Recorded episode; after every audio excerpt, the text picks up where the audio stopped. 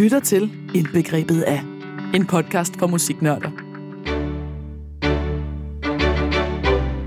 De tre værter, Andrew Davidson, Bjørn Selv og John O'Sullivan, vælger i hvert afsnit en kunstner eller et band og spørger, hvilket nummer er indbegrebet af dette band?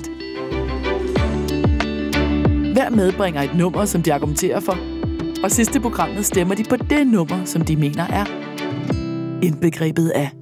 Velkommen til Indbegrebet af, hvor vi normalt starter med øh, sten, saks, papir.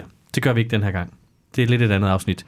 Øh, John er ikke med i dag. Øh, han måtte simpelthen øh, melde fra af personlige årsager, og vi er i København, så øh, det, det, det kunne vi ikke rigtig nå at lave om. Øh, så derfor så bliver det et lidt andet afsnit.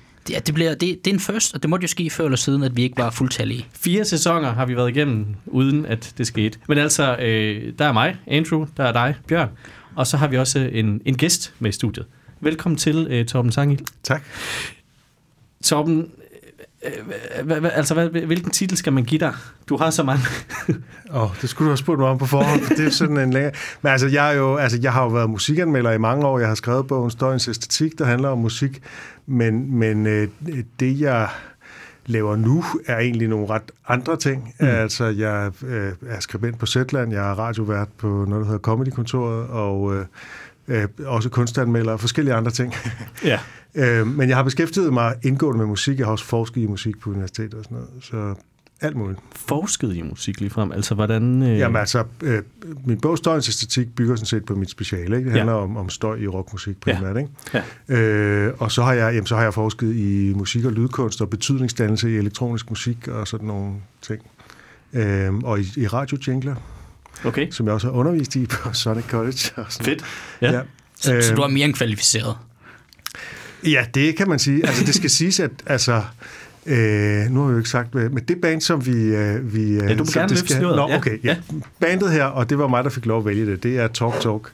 Og jeg synes, det var sjovest at vælge noget, jeg ikke har nørdet, noget, jeg ikke har analyseret, noget, jeg e- egentlig ikke ved så meget om andet, end at jeg kender musikken enormt godt og holder virkelig meget af den. Mm. Fordi hvis nu jeg havde taget My Bloody Valentine og Sonic Youth, dem har jeg skrevet enormt meget om i min bog. Ikke? Klart, ja. Hele kapitler simpelthen. Ja. Øh, så dem kan jeg forfra og bagfra og har talt enormt meget om, og så vil jeg bare sidde og være foredragsagtig. Nu er jeg sådan lidt et sted, hvor der er noget, som jeg bare holder helt vildt meget af, men aldrig har sådan dissekeret på nogen måde. Så derfor synes jeg, det kunne være sjovt at tage. Og så er det også bare et band, som har jo altså den vildeste udvikling og den vildeste musik, der øh, kommer til at, at blive en klassiker i evigheden. Mm. Altså. Ja. Men du skrev jo også til mig, da jeg spurgte, om du ville være med, så skrev du, du havde to, øh, der var to, du ligesom øh, lå og balancerede lidt mellem. Der var Talk Talk, og så var der Joy Division. Så skrev du til mig, at du for nylig var blevet spurgt om, hvad indbegrebet af dig var. Og der sagde du, det var en Talk Talk-sang. Og det bliver også den, jeg kommer til at spille i dag. Yes, spændende. Det, er- det er jeg spændt på. øhm, men, men Bjørn, vi skal jo starte på en eller anden måde, så ja. Jeg tænker, vi to slår sten, saks, papir, Ja, det- og så det- kaster vi os ud i det. prøve det. Du kender Okay. min strategi jo. Det var det. 1, 2, 3, nu. to papir. 1, 2, 3, nu. Du slår min saks, så Ja. du får lov til at Så starte. starter jeg. Ja. Ja. Oh, det er, jamen, fedt. Det er frygtindgivet. Det er for lidt frygtindgydende. Ja. Også fordi, det her, det er et band, som jeg ikke vidste særlig meget om i forvejen. Jeg kendte ganske få sange med Talk Talk, da vi gik i gang med det her. Jeg tænkte, det er lidt en softball at forberede sig til. Det er dem der med It's My Life. Øh, og ja, som en øh, hvad hedder det, ven engang sagde til mig, det er en forbrydelse, at verden er vokset op og har troet, det er en Gwen Stefani-sang. Fordi hun lavede et cover. Ja, jamen, det, ja, jeg synes, det er ja. et fint cover. Det var No Doubt, der lavede det. Ja, no doubt, ja. Øhm, så går jeg i gang med at høre pladerne. Og det starter jo super øh, 80'er synfed og rigtig øh, radiovenligt. Og så udvikler det sig bare mere og mere eksperimenterende. Og de sidste to plader, er, der opfinder de jo bare post-rock.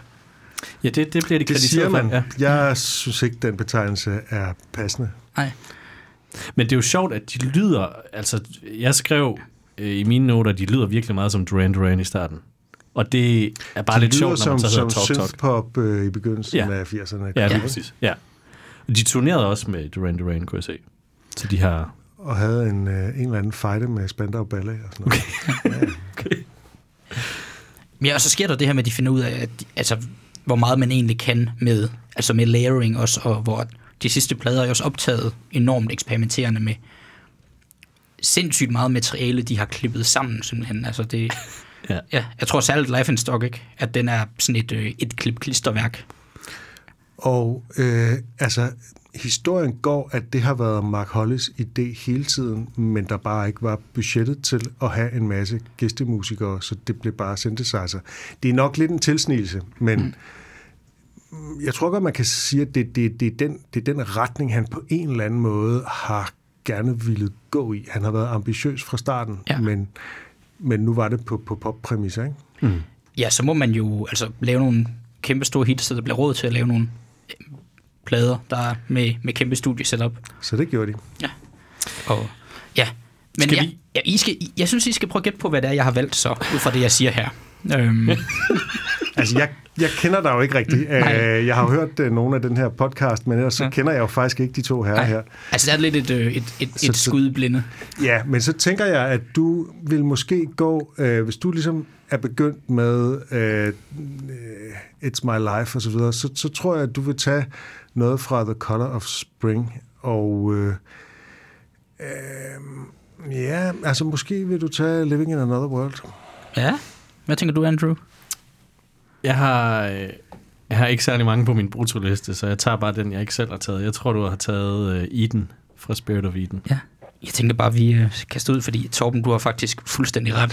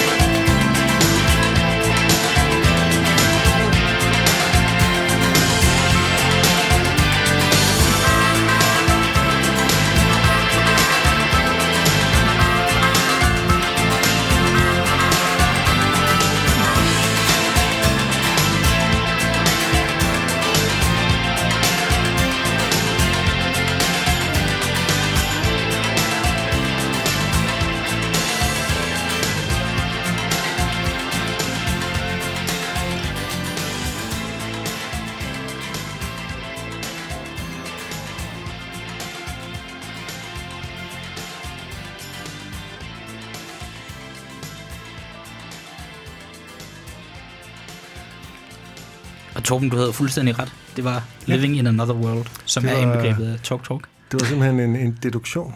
Ja. Det, det var, tænkte, du vil vælge noget fra den midterste plade, du vil vælge et af de to hits, og det der er det mest interessante af de to hits. Lige præcis. Og som også, som jeg, altså, det er faktisk en del af min opsummering, men det ligger altså nærmest, det ligger midt på pladen, på den midterste plade, midt i banets udvikling. Ah. Og det har egentlig været, det er sådan, Du har virkelig bare taget gennemsnittet. jeg har bare taget gennemsnittet af, som er, hov, ja, som er, som det må være indbegrebet af så. Øhm, og det var egentlig det, så ja. Andrew, vil du være næste? Øh, øhm, nej, vi skal høre nogle klip selvfølgelig. Ja. Øhm, Ja, tak. Der er meget at sige om det her nummer. Der er rigtig meget. øhm, jeg har faktisk jeg har, jeg har aldrig haft færre at klippe med, fordi det er så svært at klippe noget ud af, af den her sang, synes jeg, hvor at man enten skal have enormt lange bidder, eller zoome helt ind. så prøv at forestille dig, hvordan de havde det i studiet.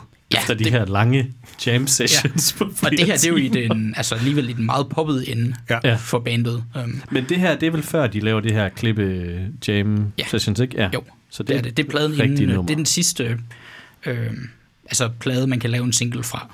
Det skal vi måske lige forklare, at på Ja. de to sidste Ja. plader, der optager de meget, de optager numrene igen og igen med en masse gæstemusikere, og nogen spiller så bare et eller andet, og så bliver der brugt et klip, og nogen har måske været der i, i fem timer, og der bliver brugt tre sekunder et eller andet sted i et eller andet nummer som, som øh, Ja. produceren, og måske skal vi fornævne hans navn med det samme, fordi han er ret vigtig for Talk Talk. Han hedder Tim Freeze Green, Ja. ja. og øh, er med fra med den anden plade, altså It's My Life-pladen. Og han er en stor del af deres sound, og altså, man kan jo bare høre det her nummer, hvor fedt produceret det er, men han er også medkomponist, ikke? Han, Ja. er, han er sådan set med til at bygge numrene op. Og så noget, nu kender jeg ikke din klip endnu, men der er på et tidspunkt, hvor der kommer sådan en lille over, sådan en lille... Ja. Sådan nogle detaljer der er bare sådan, plus der er jo selvfølgelig er det der sted, øh, hvor der kommer sådan et dissonant klaver, bare sådan, Ja. boom, Og det er i. faktisk en, hvor den har ikke et klip men den skal vi lige ind og høre igen også, fordi det er altså, den tager vi så bare lige nu, fedt. fordi det, øh, Det er rimelig crazy ja. at have det med på et popnummer. Men du sagde, mens vi hørte øh, nummeret, at der er jo en single version. ja, Fordi det var syv minutter det her, og der er en, der er lidt mere spiselig på fire minutter. ja. Men jeg får lige klaveret her, bare Ja. ja. lige, så vi har det.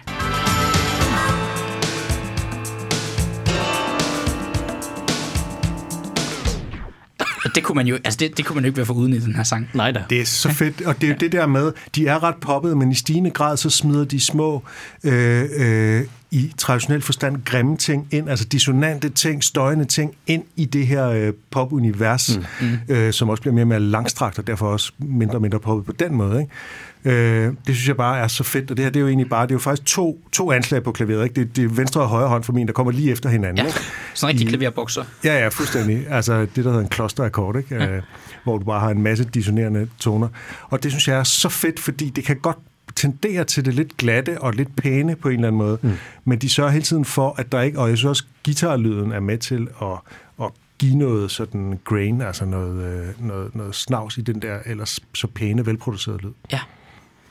Og jeg synes faktisk nu, og det er også fordi, at jeg ikke havde så mange klip med, så tog jeg også lige friheden, at vi, også, vi skal lige have den med, som hvis nogle af vores lyttere sidder derude og tænker, hvem er de her Talk Talk egentlig? Fordi det, altså fordi det er et band, der ligesom voksede hen i en meget øh, eksperimenterende retning, så er der ikke mange af de der kæmpe hits egentlig. Altså jeg tror ikke, de har... Så jeg tror, der er en del derude, der tænker, hvad er det nu, de har lavet? Og det er dem med den her.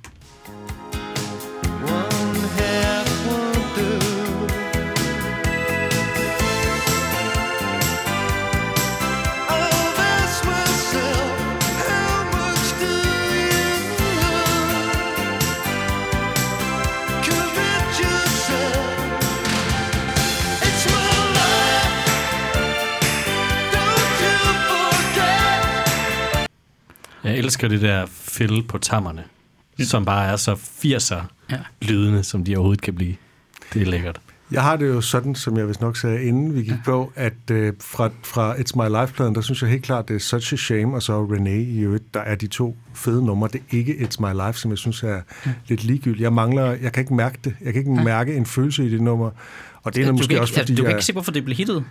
Øh, heller ikke rigtigt. Jeg synes, Such a Shame er et bedre nummer på alle måder, men det er måske også bare, fordi jeg er miserabilist, og derfor så vil jeg gerne have den melankoli, som der er 0% af på det her nummer. Ja, ja, den er meget optimistisk. ja. Ja. Ja. Øhm, men jeg synes nemlig her, der, er også no, der stikker nogle tråde frem til, hvad det er, de Ja. gør senere også, fordi det er meget, det som, som hans tekstunivers er, det er meget sådan eksistentialistisk. Mm. Det er meget... Øh, Og i stigende grad spirituelt jo. ja, Ja. Uden at jeg egentlig kender så meget til teksterne. Jeg har ikke nærlyttet teksterne sådan... Øh, Jamen, det er også meget kun i det, jeg sådan lige kan opfange. Ikke? Og Spirit of Eden, og, altså i titler, ja. og der lige er Ja, lidt... der fornemmer man jo noget, ja. ikke? Øh, helt klart. Ja, der også er nogle, altså et par linjer om engle i, uh, i Ja. ja. Living in Another Og World. det er, jo faktisk, det er jo faktisk en fed, fordi der er jo nogle linjer, jeg lægger mærke til, ikke? Og øh, Where Only Angels Look Before They Tread, synes jeg er en virkelig fed, øh, et virkelig fedt billede, fordi hvad betyder det egentlig? Hmm. Et sted, hvor det kun er farligt for engle at gå. Ja, Okay, det er ja. Ja. faktisk en ret vild øh, sætning, ikke? ja. Ja. ja. ja, det er sådan en, ja, øh, ja et, et helvede. Ja, Måske, det, det, det ja. forestiller jeg mig, det er. Og ja, måske skal vi faktisk til at høre noget af den her sang så. Fordi, Ja, lad os gøre det. Ja, øhm, og også fordi jeg har, haft, jeg har svært ved at finde kilder på Talk Talk. Også fordi, at, at det er sådan et, øh, altså, et, et meget mystisk band på en måde. Og, men jeg har fundet, at, at Mark Hollis, forsangeren, har sagt, at den her sang, den er inspireret af hans studier af Sartre. Okay. Øhm, så, og det er faktisk, synes jeg, man kan høre noget af i teksten her på første vers. Det tager vi lige her.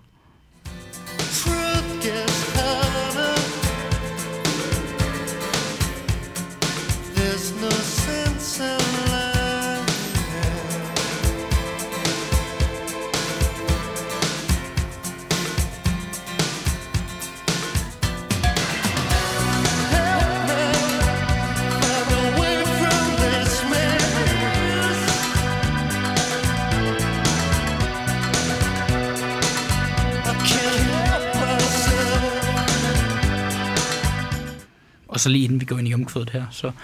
Kan du forklare Sartre-ting? Altså nu er jeg ikke skarp i Sartre.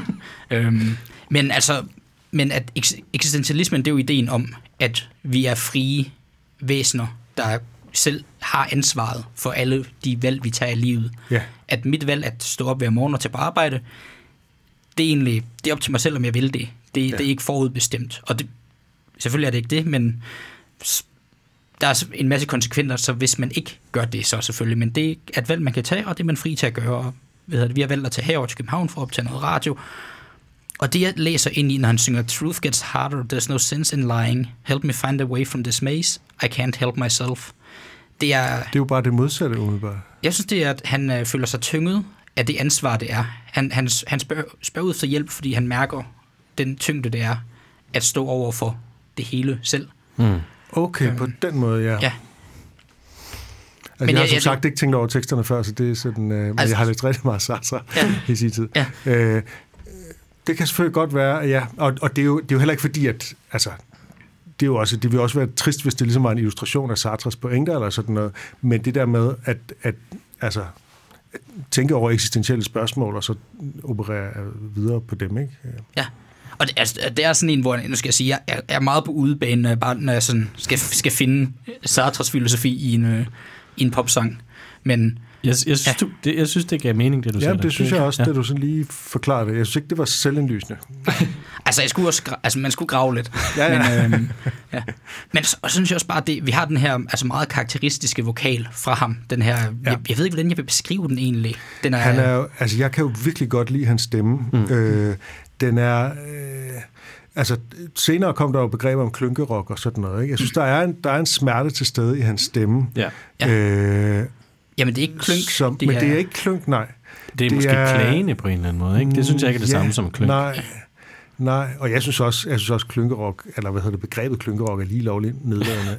øh, men, men altså, der er bare en eller anden, jeg synes, der er et eller andet i hans stemme, som jeg, øh, øh, som, som går, øh, som gør indtryk på mig. Altså, det, det, det, jeg, jeg føler, at han, jeg kan mærke, at han føler noget, når han synger. Ja, det er, det er Øh, ægte. det, det formår han at udtrykke. Om det er ægte, altså hele det der autenticitet, sådan noget, det, det, det, men det lyder i hvert fald ægte. Ja, Jeg synes altid, det lyder som om, at han, han bliver nødt til at synge den her sang.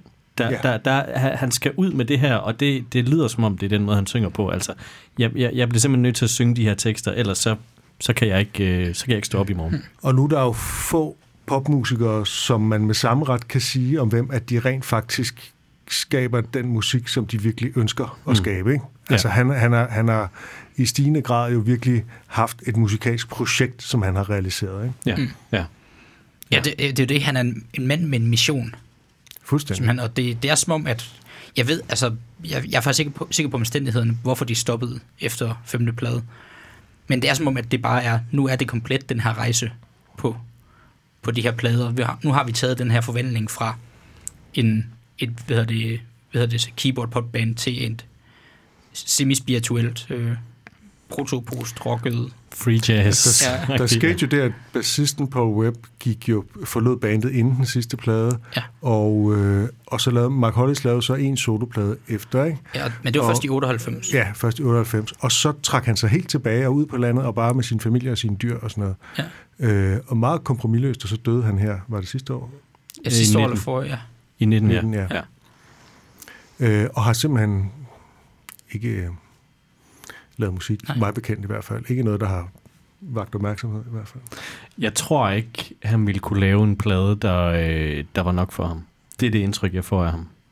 Jeg, og jeg tror ikke, at den sidste plade der, at, at det, var, det var det. Jeg, jeg tror simpelthen bare, han, han var... Det er jo ren spekulation, det her. Men for mig, når jeg lytter til de her plader, lyder det bare som om, han bliver ved med at skubbe grænserne for, hvad man kan et eller andet sted. Så når, eller på et eller andet tidspunkt når man et punkt, hvor det er ikke fysisk muligt at gøre mere herfra. Det er i hvert fald sådan, jeg har, har det er det indtryk, jeg har fået af de plader. Også nogle af de øh, interviews, jeg har læst med ham og, og artikler. Det er... Øh, Jeg er faktisk, der er et citat, som jeg er i tvivl om, om det er ham eller Arvo Pärt, der har sagt, øh, jeg havde egentlig tænkt mig at vente med at sige det, men nu er vi i gang med at tale om hans musikalske vision, som er at skabe den musik, der er værdig til at bryde stillheden. okay, hold da op. Det synes jeg er så fantastisk Ja. en sætning. Ja, det er stærkt. Og uanset om det er ham eller Arvo Pärt, så passer det på en måde på dem begge to. Altså, Ja. den her, at finde den der musikalske nænsomhed, der har respekt for stillheden, og som ikke bare brager igennem, og som på den måde jo også er anti-radio play, ikke? Mm. Ja. ja. Hvordan samler du op herfra? Jamen, det, altså, jeg, jeg, Ja, jeg du, synes, skal jo, du, du, du sidder vi jo bare og snakker. ja, jeg, har, jeg har kun to klip mere, så det er fint. Øhm, det andet klip her, det er egentlig bare omkvædet, vi skal have. Så det tager vi også lidt. Det er også et lidt langt et.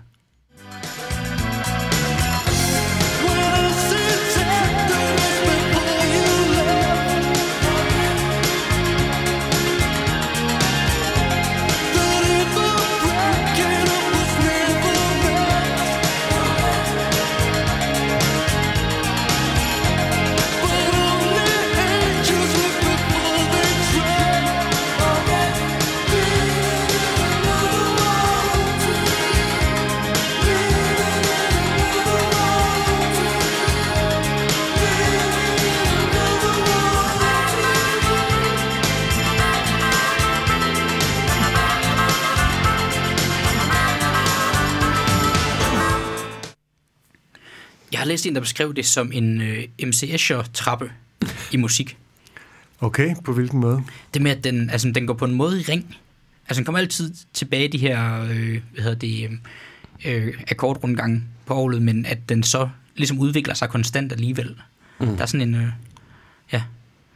Og så synes jeg egentlig, at det her det omkvædet er en rigtig god forvarsling af, hvor de er på vej hen, men samtidig har vi, at det egentlig er poppet nok til, at det kan blive et hit. Ja. Fordi den klarede sig faktisk glimrende, den her single. Ja, det må man sige. Ja. Um, og så har vi det, altså det her mange lavede musik og, og, og eksperiment, eller ikke eksperimenterende, men den her, de her korstemmer, der er lagt sådan lige ned i, i den her suppe af instrumenter, der, der er der. Og så fandt jeg ud af, at ham, der har spillet klaver eller orgel på den her sang, ved hvem det er? Øh, nej. Det er Steve Winwood. Øh, ham der Nå. med Higher Love. Det tager vi lige her.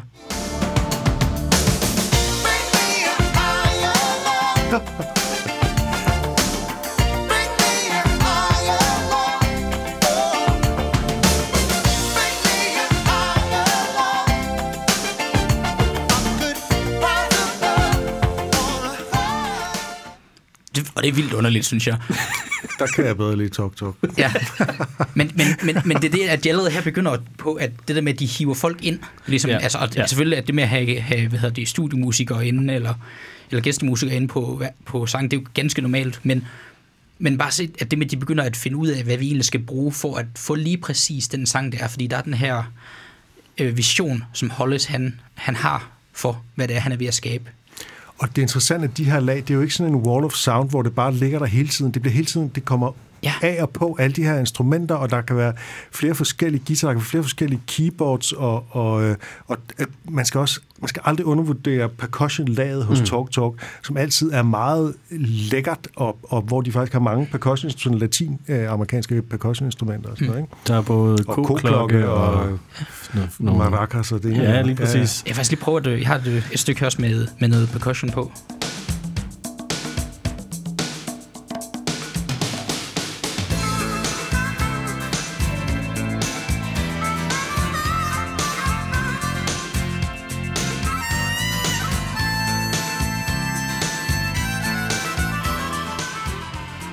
Jeg vil faktisk også sige, der kan man også høre, hvor, hvor vigtigt Tim Freeze Green, altså produceren, har været for den sound. Prøv, prøv at spille starten igen, og så prøv at bemærke lille trummen, hvor markant den er. Det er næsten sådan en et eller andet stål, de slår på. Ja. Det er meget voldsomt. Men det virker ikke voldsomt, og det er Nej, en det gør det. fed lille trumlyd. Ja. Der er præcis den rigtige rumklang, præcis den, altså det er ikke sådan en, en der er præcis nok af det her, de her, øhm, der det er under en lille trum, som Ja, får sådan til at sige, tænker, ja, øh, ja. som skaber støj, støjdelen af, af lille trumlyden. Jeg kan virkelig godt Det er ikke, det er ikke St. Anger level af lille trum. Nej, Ej, men det er, altså, det er, øh, altså, man kan høre perfektionismen i det. Ja. Ja, og der, der- er og det er ikke, jo- der er ikke noget som helst tilfældigt i det her nummer. Nej. Ingenting. Men det er jo egentlig sjovt, at man har, eller de har en type som, som Mark Hollis, som, øhm, hvad hedder det, som har en vision, øh, og så inviterer han alligevel andre ind, og er med på pladerne. Det er jo egentlig lidt sjovt. Fordi du tænker, at det er et stort ego, der har en stor vision. Ja, måske. Men hvis nu vi virkelig, hvis nu vi giver, hvis nu vi ligesom siger, Mark Hollis er så fed, som vi overhovedet kan tænke os, så er hans vision ikke egodrevet. Den er drevet, det er, den er drevet af en, en, det er musikken, der er i centrum, det er ikke ham. Ja, ja. Jamen, det er rigtigt ud fra Ja. det citat, du havde øh, tidligere, ikke? Så, ja. Og det er også Godt. en, man kan sige... Altså, jeg, jeg, jeg har virkelig et indtryk af, at han er hammerende sympatisk. Det vil jeg bare lige sige. Det, det tror jeg også. Men også, at, at den, med, den måde, de har lavet de to sidste plader på, med at invitere en masse fede musikere ind, og så indspille en masse, og så brug, tage det, der kan bruges, og der er ikke noget med, at vi skal have det her, fordi at det er tilpas stort navn, som vi er nødt til at have med på, på den her plade. Det er også, at han meget modvillig var med til, at der skulle lave en single fra, fra Spirit of Eden, Mm. fordi at det, ikke, det er ikke den slags plade. Det er bare et, et samlet værk, der egentlig skal høres i, i sin ja. helhed.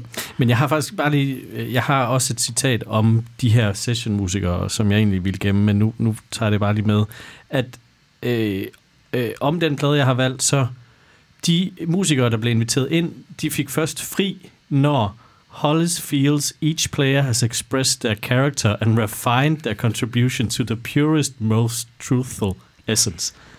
Det er også meget at lægge over på nogle Det er sådan, når chefen siger, føler du kunne have bidraget til dit arbejde i dag? Men det, ja, men, men, og på en måde er det jo også, altså, at han så forlanger, at dem, han har ind, at de heller ikke kommer med deres ego. Ja, Men at Ja. ja. de bidrager med, hvad der nu passer ind i den musikalske vision. Ja. ja.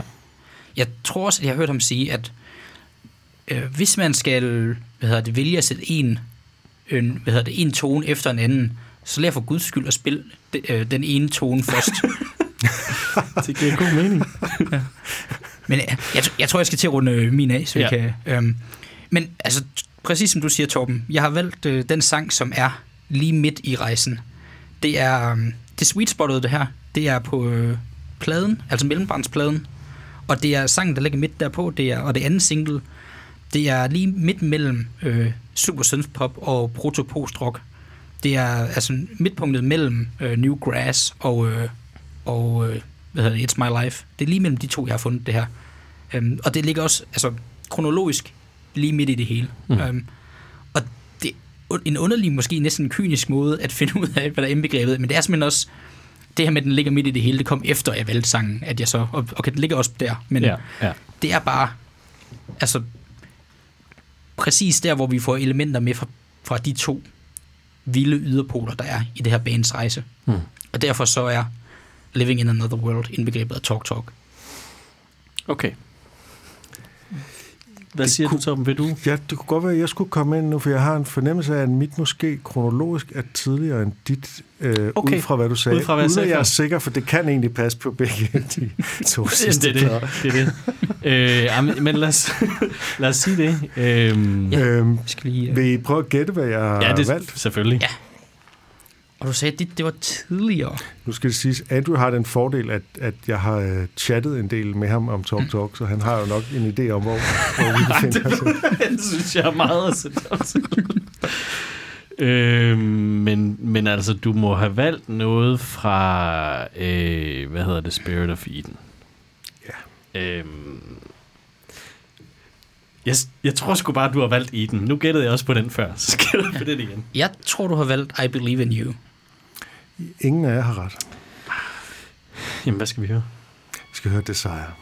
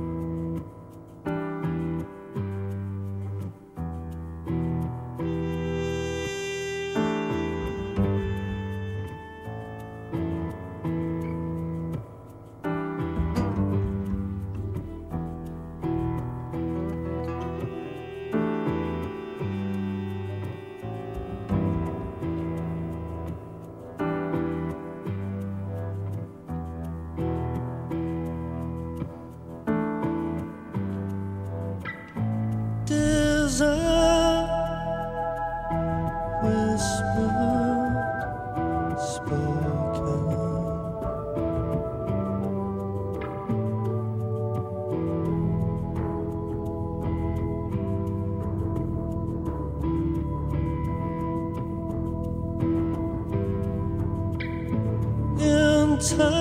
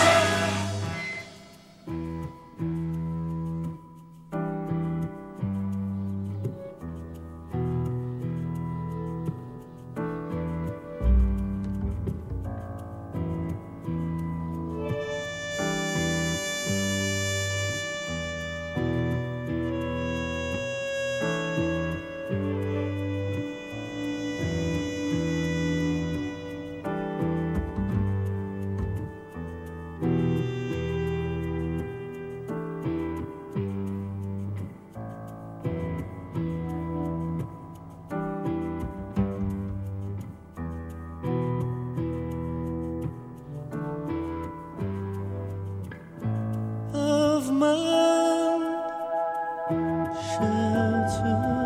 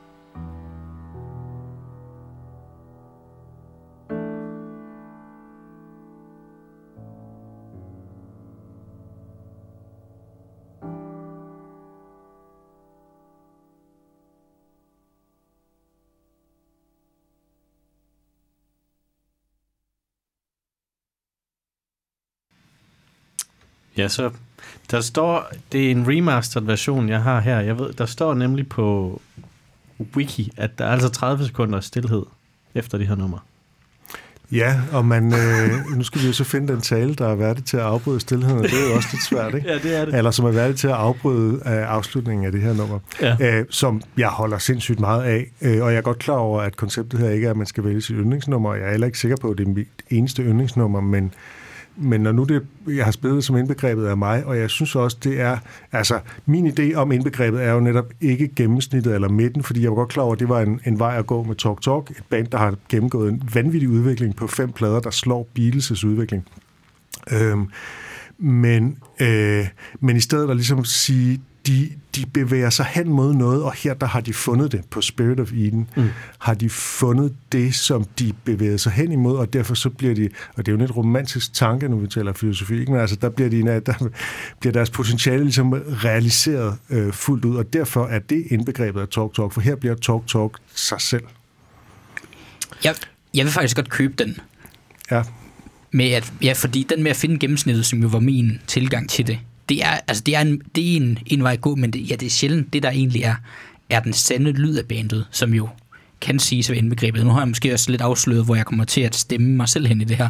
Men også fordi jeg har en idé om, hvad du har gættet er valgt, Andrew. Så, øhm, Ja. øhm, og det, jeg tror i hvert fald ikke, det er noget fra den første, lad mig sige det på den måde. men ja. Ja. Og så, så vil jeg også være skuffet efter, hvad jeg har hørt indtil nu. det, så det, ja, fordi det er, det, er jo, det er jo sådan her, de gerne vil lyde. Ja. Og altså, det, der går jo som sagt den der tanke om, at de, at de, de hele tiden, at Mark Hollis hele tiden har ville skabe den her lyd, men han har bare først haft muligheden nu. Ikke? Og det kan man altså sige, det er en, det er en, det er en, en efterrationalisering og alt sådan noget. Ikke? Men der er bare en eller andet i, at det er næste skridt efter Color of Spring, det er at gå, gå øh, endnu mindre pop, endnu mere eksperimenterende. Ikke? Det er jo altså... Øh, jeg synes virkelig, der, altså, der er så mange ting. Den her måde, altså nummeret her, hvis vi nu tager udgangspunkt i det, Spirit of Eden i det hele taget, især de tre første numre, fuldstændig fantastisk. Hendes sides, altså jeg, jeg, jeg nægter at putte det ind i hatten postrock, fordi jeg synes, det er så anderledes i forhold til det, jeg kender som postrock. Øh, jeg synes, det er nærmest hendes sides genre, øh, og, og det, som, som det her nummer og den her plade kan, det er at arbejde med dynamik på et niveau, som ingen popmusik stort set ellers gør, hvor man enten skal til klassisk musik eller til symfonisk rock for at finde noget tilsvarende.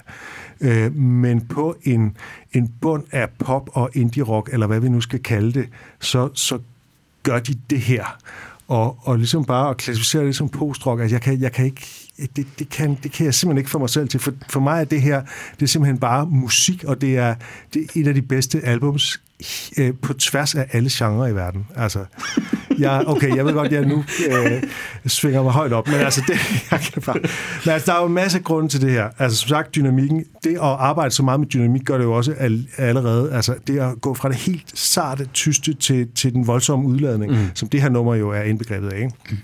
Øh, og som ikke er den der quiet øh, loud quiet, nu kan jeg ikke sige det, quiet loud quiet Ja. øh, formen, som vi kender fra Pixies og Nirvana og så videre. Ja. Det her er på en anden måde, og det er langt mere intrikat og langt flere detaljer og sådan noget. Det er virkelig sådan en, en, en sindrig komposition af alle mulige, vi har talt om det, ikke? Altså alle mulige instrumenter, der kommer ind, og de kommer lige kort ind, og øh, der er jo et overraskende meget koklokke, ikke? Øh, som normalt ikke er så fedt, og måske kan, hvis jeg skal komme med et kritikpunkt til et ellers perfekt nummer, så er det, at øh, den der, øh, det der øh, rytmiske break til sidst, hvor man bare hører en masse percussion med en guitar indover, det kunne godt lige have været en takt kortere Nej, eller to. det kunne det ikke. Nå, det kunne det det fedt. ikke. Godt, så er det et perfekt nummer. Tak for at bekræfte det. men, øhm, men der er en intensitet hele vejen igennem det her nummer, som jeg synes er, er, er fuldstændig fantastisk, og du skal lige om lidt nok øh, illustrere det med øh, nogle øh, klip. Der er jo, jeg bliver næsten nødt til at sige, det er jo, altså de der, de der stille dele, øh, er jo, altså de er stille i volumen, men de er ikke stille i energi. Det er Nej. næsten sidre. Og det er det, jeg vil kalde intensitet. Ja, Der er intensitet, uden at der er ekspressivitet. Ja. Øh, øh, hvis man kan lave den skældning. Ikke? Øh, og det er den der fornemmelse af, at hvert eneste, hvert eneste øjeblik, hver eneste lille anslag faktisk er øh, og jeg skal spille et klaveranslag øh, senere, øh, er der simpelthen bare lagt alt i, altså. Mm. Ja. Øh, det, jeg synes, det er så vildt. Og nu spørger du mig så, hvorfor er det indbegrebet af mig? Og det ved jeg jo dybest set ikke. Jeg blev bare jeg blev bedt af en veninde. Vi havde sådan en lille leg, hvor vi skulle spille øh, et nummer, der var indbegrebet af os selv. Og så var det det der, der kom op. Og man kan godt lave en eller anden, Nå, jamen, så er det ligesom, det er min kærlige side og min vrede side, der ligesom øh, øh, finder sammen i det her nummer, og øh, hvad ved jeg, øh, dybest set så er det bare et nummer, der virkelig griber mig hver gang jeg hører det. Altså sådan meget, meget dybt, og derfor så tænker jeg, det klinger ind i mig, og derfor må det på en eller anden måde være øh, noget af det tætteste, man kommer på indbegrebet af mig, men selvfølgelig er der ikke noget musiknummer, der er indbegrebet af mig. Hvad valgte din veninde? Nu bliver det lidt pinligt, hvis man hører det her. Jeg kan simpelthen ikke huske det. Okay. det var ikke et nummer, jeg kendte. okay. Hvad fanden var det, var? var måske var det Nick Cave. Nå, det, det har jeg simpelthen glemt. Ja. Men du har, du har sendt mig tre klip, så det, du Ja. må vel sige et eller andet med de klip her, tænker jeg. Det vil jeg. Til det første, øh, det er lige der, hvor vokalen kommer ind, men det er ikke vokalen, jeg vil bede om at fokusere på, men øh, øh, den øh, harmonik, den øh, akkordfølge, der er i orlet. Okay.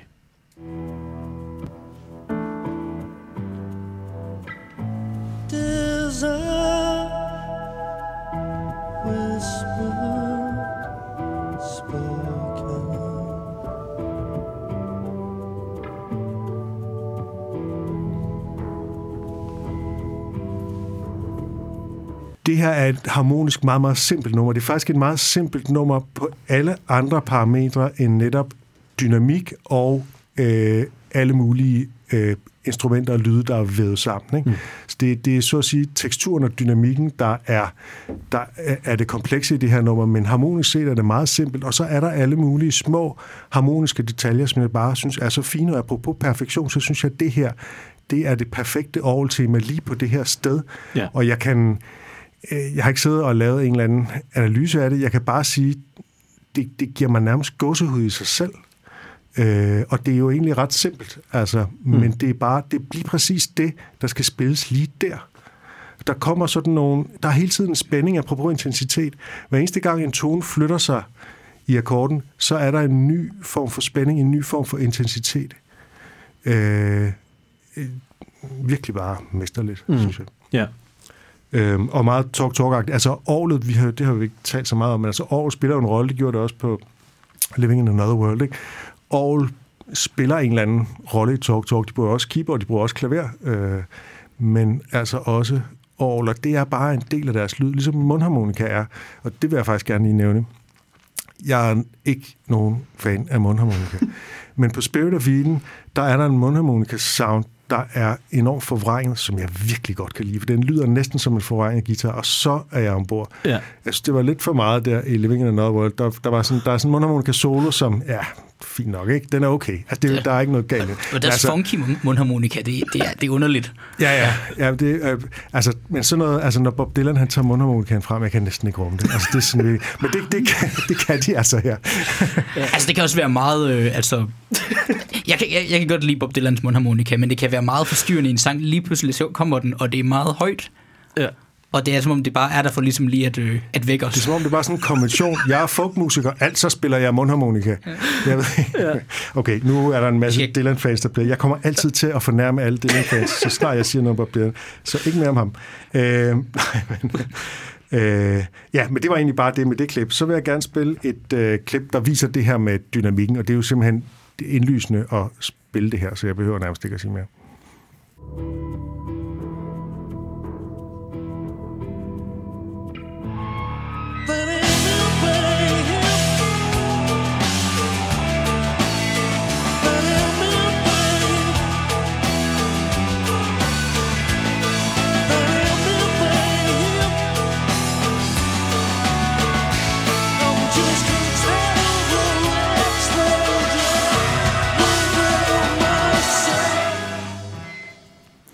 Den måde eksplosionen kommer på, og den måde det går væk igen og helt ned i et, et tysk leje igen, jeg synes jeg er helt genialt. Og så er der den detalje, jeg ved ikke om I lagde mærke til det, jeg skal måske lige høre det igen, at lige før det voldsomme guitaranslag kommer, så er der sådan en, en øh, reek fra gitaren, sådan en, øh, en, en feedback-agtig lyd. Som, Den kommer også til sidst lige inden det tog. Og den kommer ja. også til sidst, og den kommer også, eller der kommer noget andet, en anden støjlyd anden gang. Og jeg tænker, hvis det her det nu er et lynnedslag, hvad det på en måde er, så er der, det er sådan, når lyn slår ned, så er der det, som nogen kalder for en dunkel forløber. Der kommer sådan en sort streg i luften, lige inden lynet kommer. Det kan man se, hvis der er de rette lysforhold. Mm. Og det er som om, at det er det, der sker her.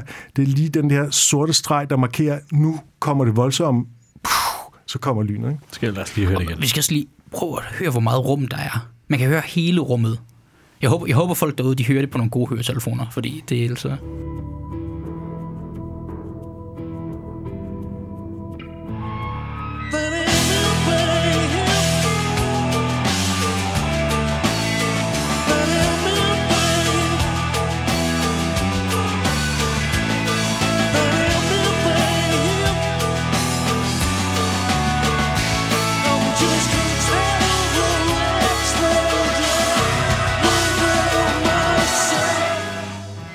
Ja. Det er, det er altså... Jeg tror nok, det var 11 måneder i studiet øh, med det her. øh, og det, de har altså også bare skabt et mesterværk, som jeg mener kommer til at stå til evig tid. Øh, men det kan man altid. Det, det er der jo aldrig nogen garanti for noget som helst. Men det var jo ikke sådan, det blev set på dengang, det udkom. Øh, EMI ikke var af alle. Af pladselskabet, meget de var... Øh, altså, jeg har læst en åndssvag anekdote om, at... Øh, at A&R-manden, han øh, græd, da han hørte det, og det var ikke, fordi han blev rørt, men det var, fordi han tænkte, den her kan ikke sælge. Nej, det forstår jeg godt. altså, hvis, hvis, hvis det går fra det, som Bjørn spillede over til det her, det er, det er svært at Altså, sælge. Men så må man radiomusik. med at tænke lidt mere langsigtet, altså, Ja. fordi den har jo, den, den, den, den sælger jo stadigvæk. Ja. Tænk dog for fanden lidt langsigtet, i stedet for hele tiden at tænke i hits pladeselskaber. Ellers så bliver I fucking overflødige, og det er I allerede ved at blive, så er det sagt. Stærkt. Ja, også fordi altså, det, det er jo en plade, der er skabt altså, udelukkende som et, som et helt værk. Ja. Det er ikke, der, er ikke, der er ikke læflet for noget her. Overhovedet ikke. Og det var også den sidste, de lavede på EMI, ikke? Jo. Så slap Jo. de fri, Ja. og så sørgede EMI for at skrabe nogle penge ind med nogle opsamlinger. En remix-plade, den var Hollis ikke glad for. Så det... Øh, øh, EMI, de sørgede lige for at skrabe lidt flere penge ind, penge ind og, og Og det er jo lidt parallelt til My Bloody Valentine, som jeg nævnte før, som med Loveless også havde et gigantisk øh, budget, og øh, øh, altså, pladselskabet var rasende, ikke? Men det er jo, det er jo, det er jo blevet stående som en klassiker. Altså, mm. det, det, Loveless er et mesterværk, og det er Spirit of Eden også, og sådan er det. Ja, ja. Øhm, jeg har lige et sidste klip, Ja. jeg må nå at spille det. selvfølgelig. som er, altså, jeg har talt lidt om det her med anslag, altså, måden nummeret slutter på, er med de her tøvende anslag på klaveret, og det er som om, altså, et klaveranslag er faktisk, selvom det jo egentlig er et slags percussioninstrument, hvor en hammer går ned på en streng, så kan du med anslaget med hånden jo skabe forskellige... Altså, du kan faktisk lave et tøvende anslag. Øh, det er ikke nemt, men det, det, det kan lade sig gøre. Og det synes jeg virkelig her, der er den der tøven, som er en enorm effektfuld, stille, tyst udgang, som danner bro mellem den her voldsomme energiudladning og så den totale stillhed.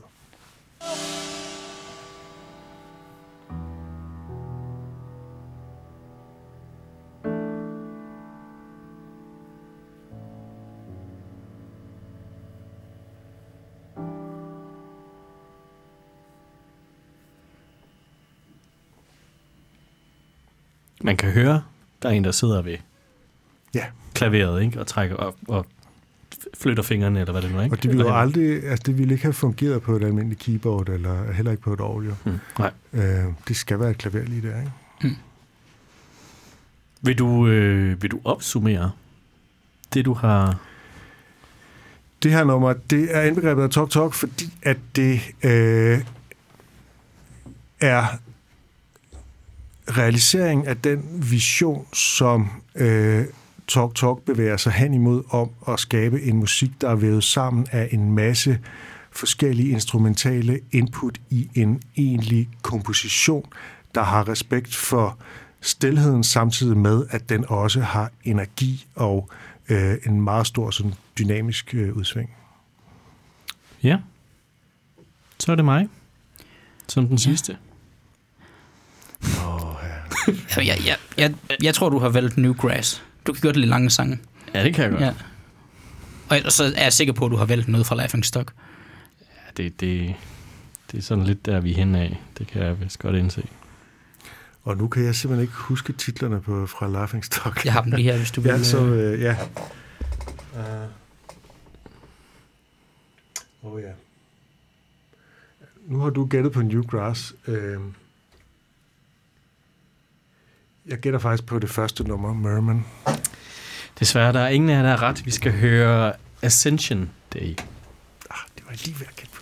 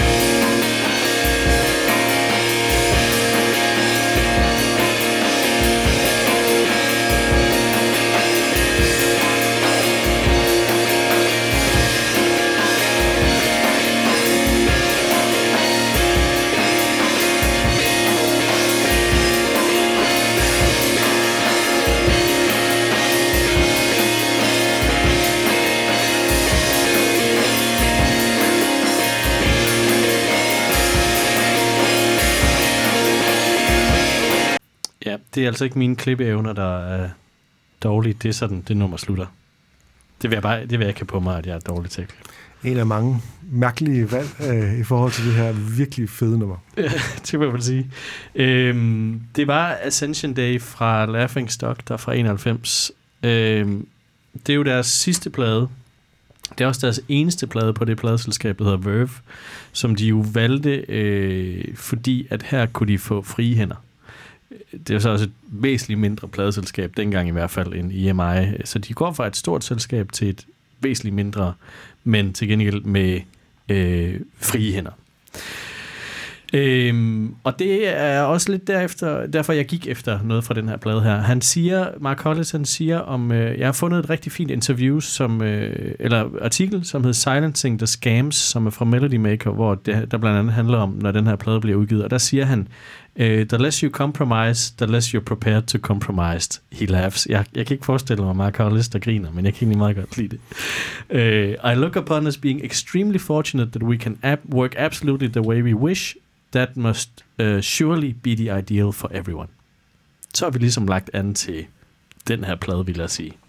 Øhm, men, men altså, vi har jo allerede snakket om det, at, at øh, der, der er jo, der er jo et, der er jo et, et, et pophjerte, der banker inde i Mark Hollis' hjerte på det, eller ikke hjerte, krop på det tidspunkt. Øh, så der, der er sådan nogle, selvom man ikke rigtig kan høre det, så er der hooks i det her nummer, vil jeg sige. Der er Ja. ting, som du ikke kan tage ud af hovedet igen. Når du har hørt det tilstrækkeligt mange gange, fordi altså, både den her Spirit of Eden skal man høre mange gange for at fange numrene, for at de går ind på under huden på en, for at man kan nynne dem, for at man kan have dem i hovedet. Ikke? ja. Øh, og det her, det er virkelig øh, noget af det på sin vis mærkeligste popmusik, selvom der er alle mulige genkendelige ting, som Ja. ja. taget alene. Øh, nå jamen, det er jo bare, den der guitarfigur, den er jo meget, også, den er jo sådan og sådan, og Ja. ja. den der tromme, ja, ja, Ja. så videre, og syvåndedel, det vil øh, jeg gerne have, have noget mere af i popmusik, men det er jo det, så, så mærkeligt er det heller ikke. Men sammensætningen af det hele bliver ligesom bare, der er så mange mærkelige valg, ja. inklusive det der med, at den slutter så bræt, ikke? Ja, og netop gitaren, synes jeg jo netop, er sådan noget, der indprinter sig, efter du har hørt den et par gange. I hvert fald den her sådan lille figur her.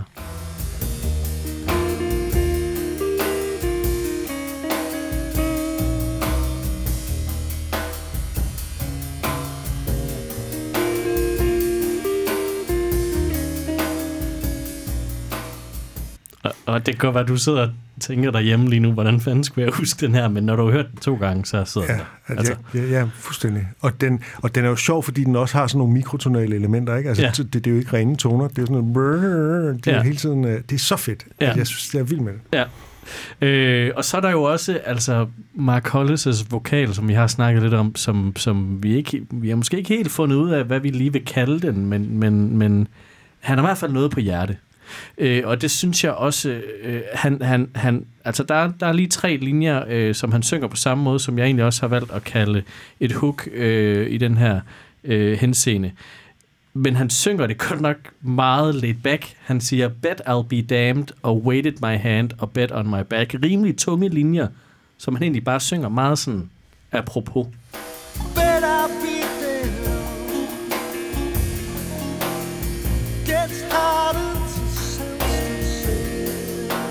Og så apropos det med Aarhus, så kommer der.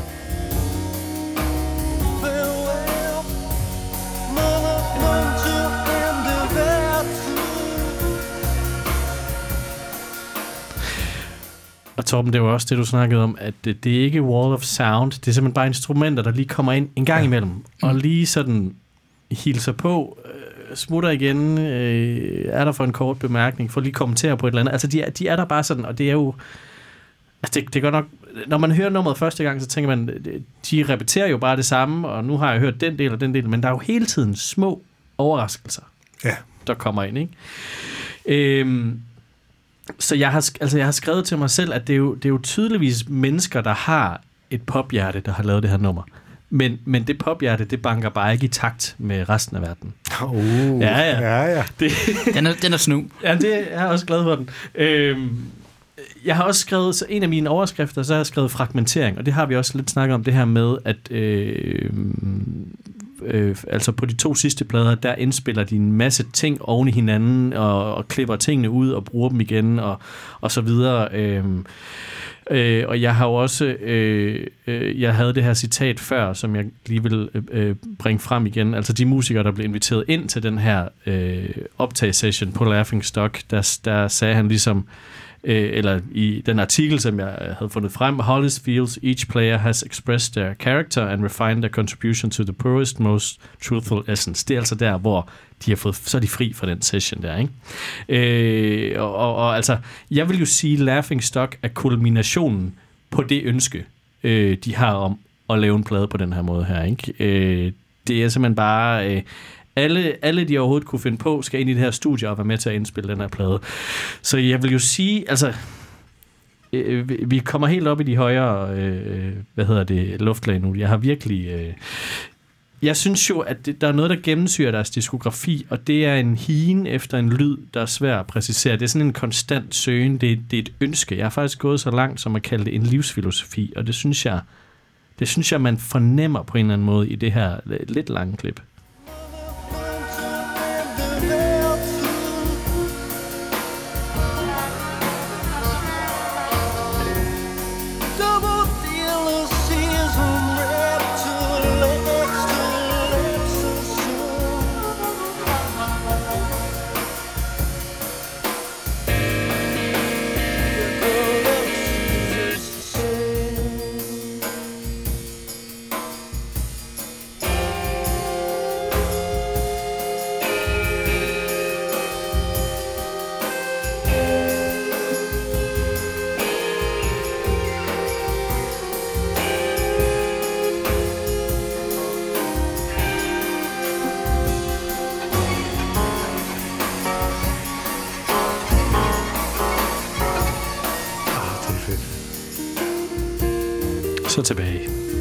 Sker vanvittigt meget på det korte stykke der, ikke? Altså, der er, der er, gud hjælp mig, en mundharmonika igen.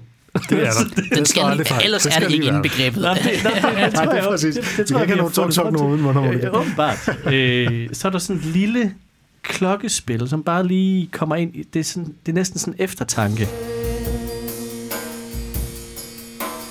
Eller en triangel måske. Ikke? Og Jo. så er der jo bare det her støjinferno. Og kommer et piano lige der. Altså, det, det lyder helt tilfældigt, ikke? Ja, det var Det er bare det. lige et par anslag. Ja, lige præcis. Det var ikke- De skal være her. Ja. Altså, det, og det, og det, det, altså det, det, det er jo... Og der er en violin, der bliver bare skrattet på, Ja. i stedet for at spille sådan rigtigt på. Ikke? Ja, det, det er det, der sker her. Ja.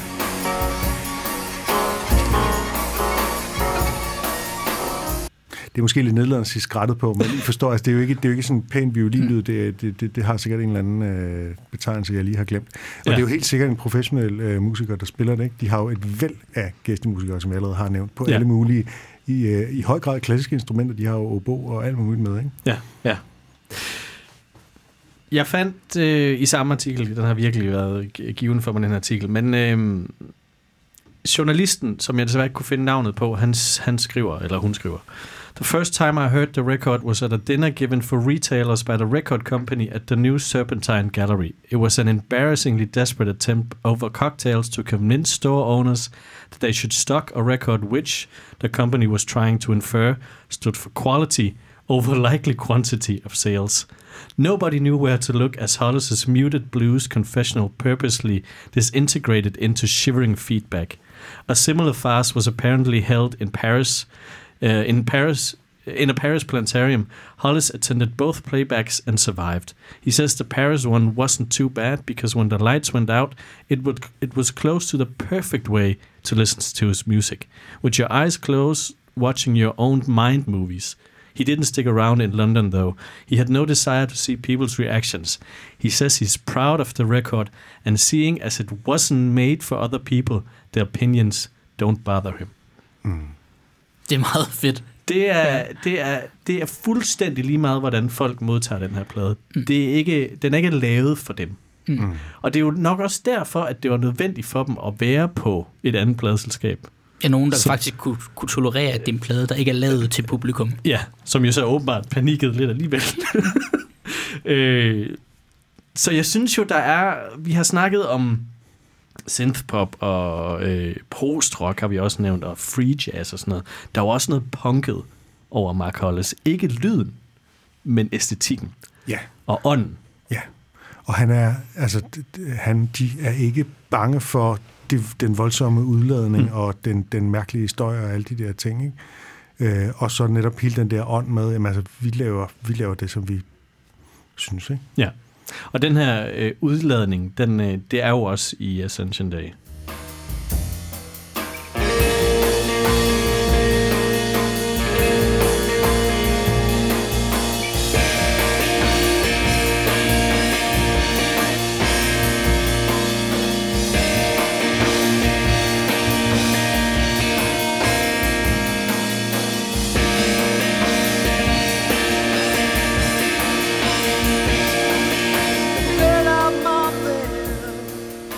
Er så mange fede guitarer i Talk Talk, selvom det ikke er guitar-rock. Altså, Nej, men det, ja, det er sjovt. Øh, der er jo mere keyboard, end der er guitar, men når der er guitar, så er det så fed guitar. Ja, Det er det med, at altså, der er ikke sat noget ind, hvor, hvor det er tilfældigt. Så det, det gælder bare det hele, og ja. så er det bare... Altså, Der er aldrig bare et guitarriff, Nej. fordi at nu er der en guitarist, og så skal der spilles et guitarriff og sådan noget, som man nogle gange har mistænkt visse rockmusikere for. Ikke? Ja. Øhm, og jeg vil jo også sige, det er også helt vildt så meget, øh, hvad hedder det, opmærksomhed trommerne får. Det har vi også snakket lidt om i forvejen, ikke? Men, men øh, hvad hedder han øh, lige, øh, hvad sådan hedder han? Øh, Lee Harris får jo virkelig bare lov til at give den gas, ikke? Og det er sjovt, det er meget punket, men, men her kan man altså også virkelig høre jazz-indflydelserne, øh, øh, at det er meget, meget jazzet måde, han spiller på.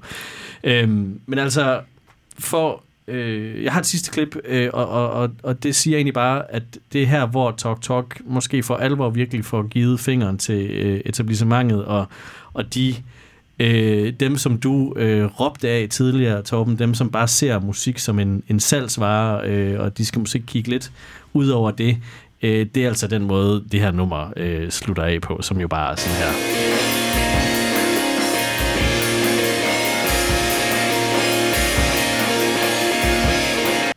Slut. Så er der ikke mere. Øh, hvis jeg lige runder af, så... Jeg har skrevet Ascension Day, det er sådan et slags øh, sjælestykke for Mark Hollis og Talk Talk, og så f- jeg slog ordet sjælestykke op og fandt ud af, at det er åbenbart det, som Voldemort han lægger i de der Horcruxes.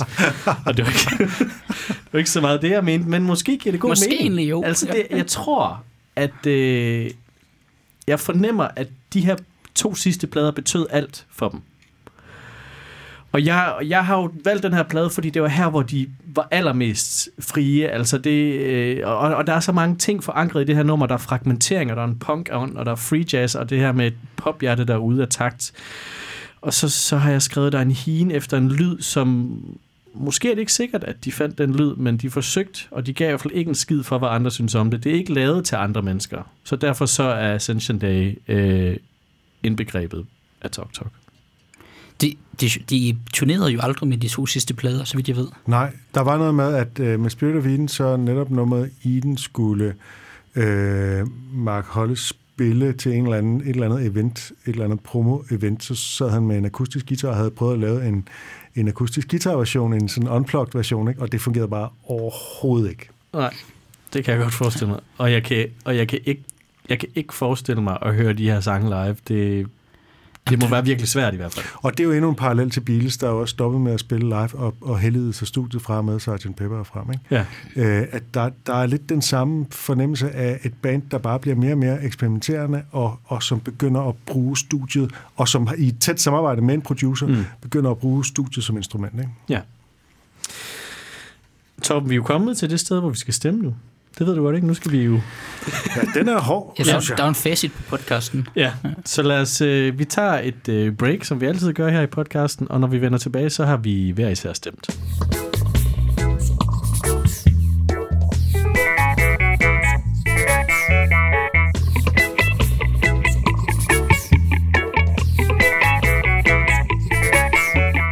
Nå, vi har stemt.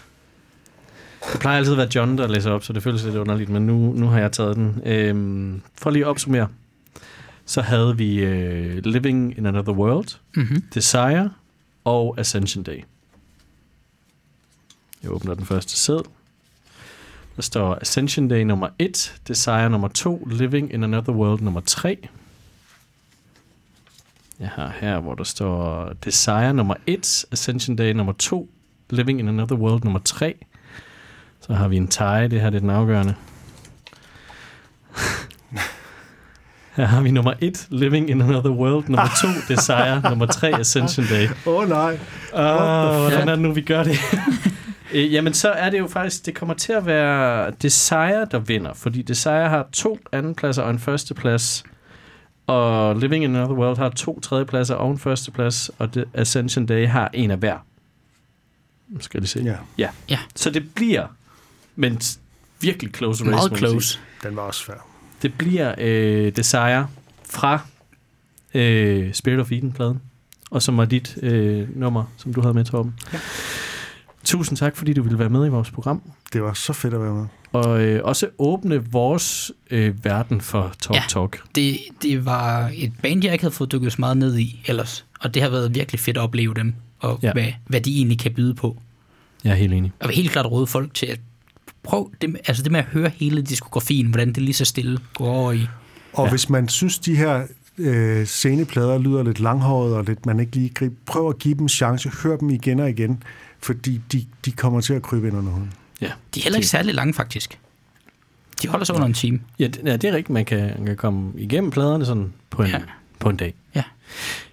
Vi slutter af med at høre Desire, som jo er indbegrebet af Talk Talk. Og hvis du... Og indbegrebet af Torben Sanghild. Og indbegrebet af Torben Sang. Ja, lige præcis. Hvis du også har lyst til at dele, hvad der er indbegrebet af dig, så vil jeg anbefale lige at like vores Facebook-side, for der kan du finde os. Øh, så kan du altså skrive derinde. Det kan også være, at vi en dag finder ud af, hvad er indbegrebet Hvad- også. Det, det har noget, vi snakket om. Ja, det synes jeg er en meget intimiderende opgave. det er noget af et spørgsmål. Men det her, det er i hvert fald desire